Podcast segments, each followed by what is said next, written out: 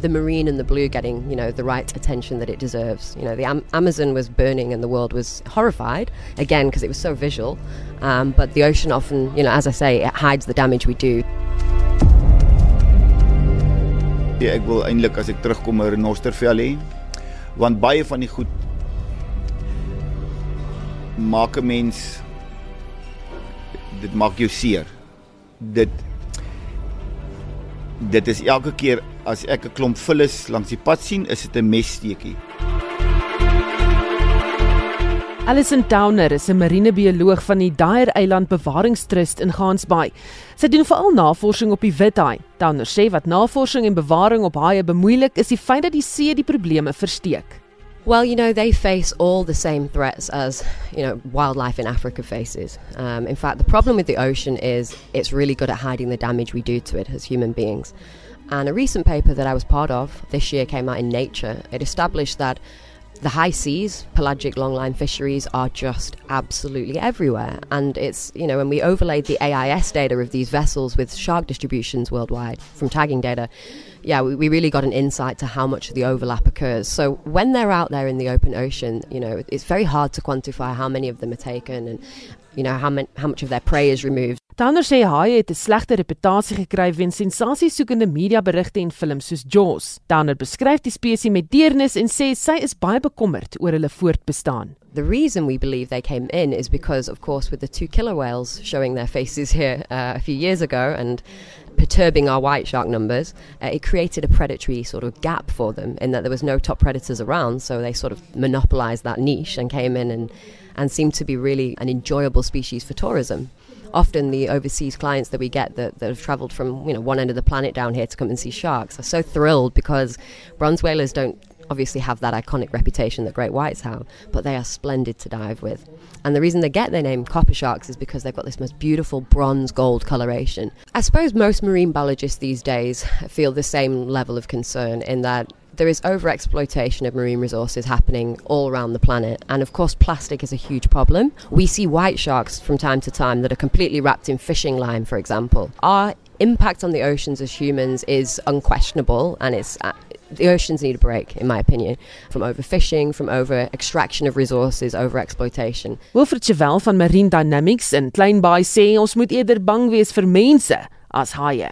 Op die eerste blad van shark kill person monster this that dan vra ek altyd vir hulle waarvan kom jy? En dit is nou die bad ding van ons situasie is weet jy dat hoeveel moorde word daar gepleeg? 16 18000 in Suid-Afrika? So ons tussen ons wat hier om die tafel sit en die res van ons populasie maak ons onder mekaar 30 40 mense per dag dood.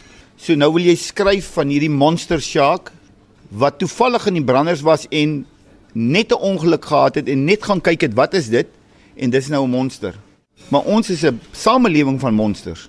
As jy kyk na wat gebeur. Sowel sê dis fisies pynlik om te sien hoe die mens die wêreld verwoes. As ek 'n pikkewyn geolie sien, is dit 'n messteekie. As ek 'n voël kry met 'n klomp vislyn om sy kop of 'n haai met diep snye of 'n rop met 'n klomp net om hom, dan maak dit seer. Dit maak nog seerder as jy nie die dier kan help nie. So ek is nie altyd so vreeslik opgewonde oor ek is eintlik nooit opgewonde oor ons impak op die diere en die kus om ons nie. En terwyl sy wel bly is dat daar nou meer marine bewaringsgebiede in die see deur die departement van omgewingsake aangewys is, wonder hy of dit wel behoorlik bewaar gaan word. Sowel sê verder dat mense self iets moet doen om die omgewing te bewaar in plaas daarvan om te wag vir die owerhede. Ons moet nooit ophou nie, al kan ons miskien nie die ultimate uiteinde van hierdie diere verseker nie, kan ons nog almal ons eie deeltjie doen.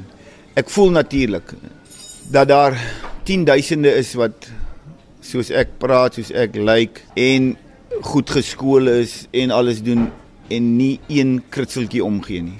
En dit is my grootste gripe eintlik. Die skool, die kerk, die munisipaliteit en die regering moet dit doen.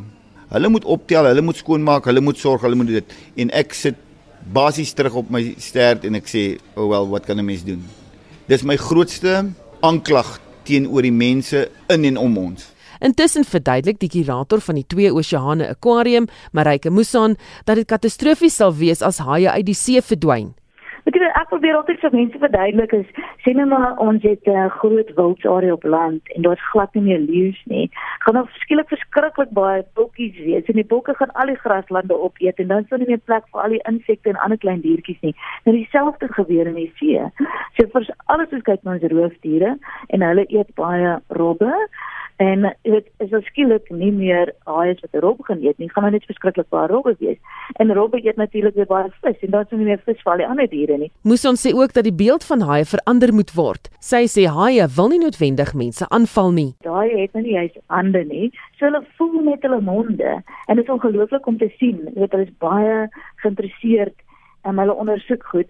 En die probleem nou natuurlik is hulle het verskriklike skerp tande.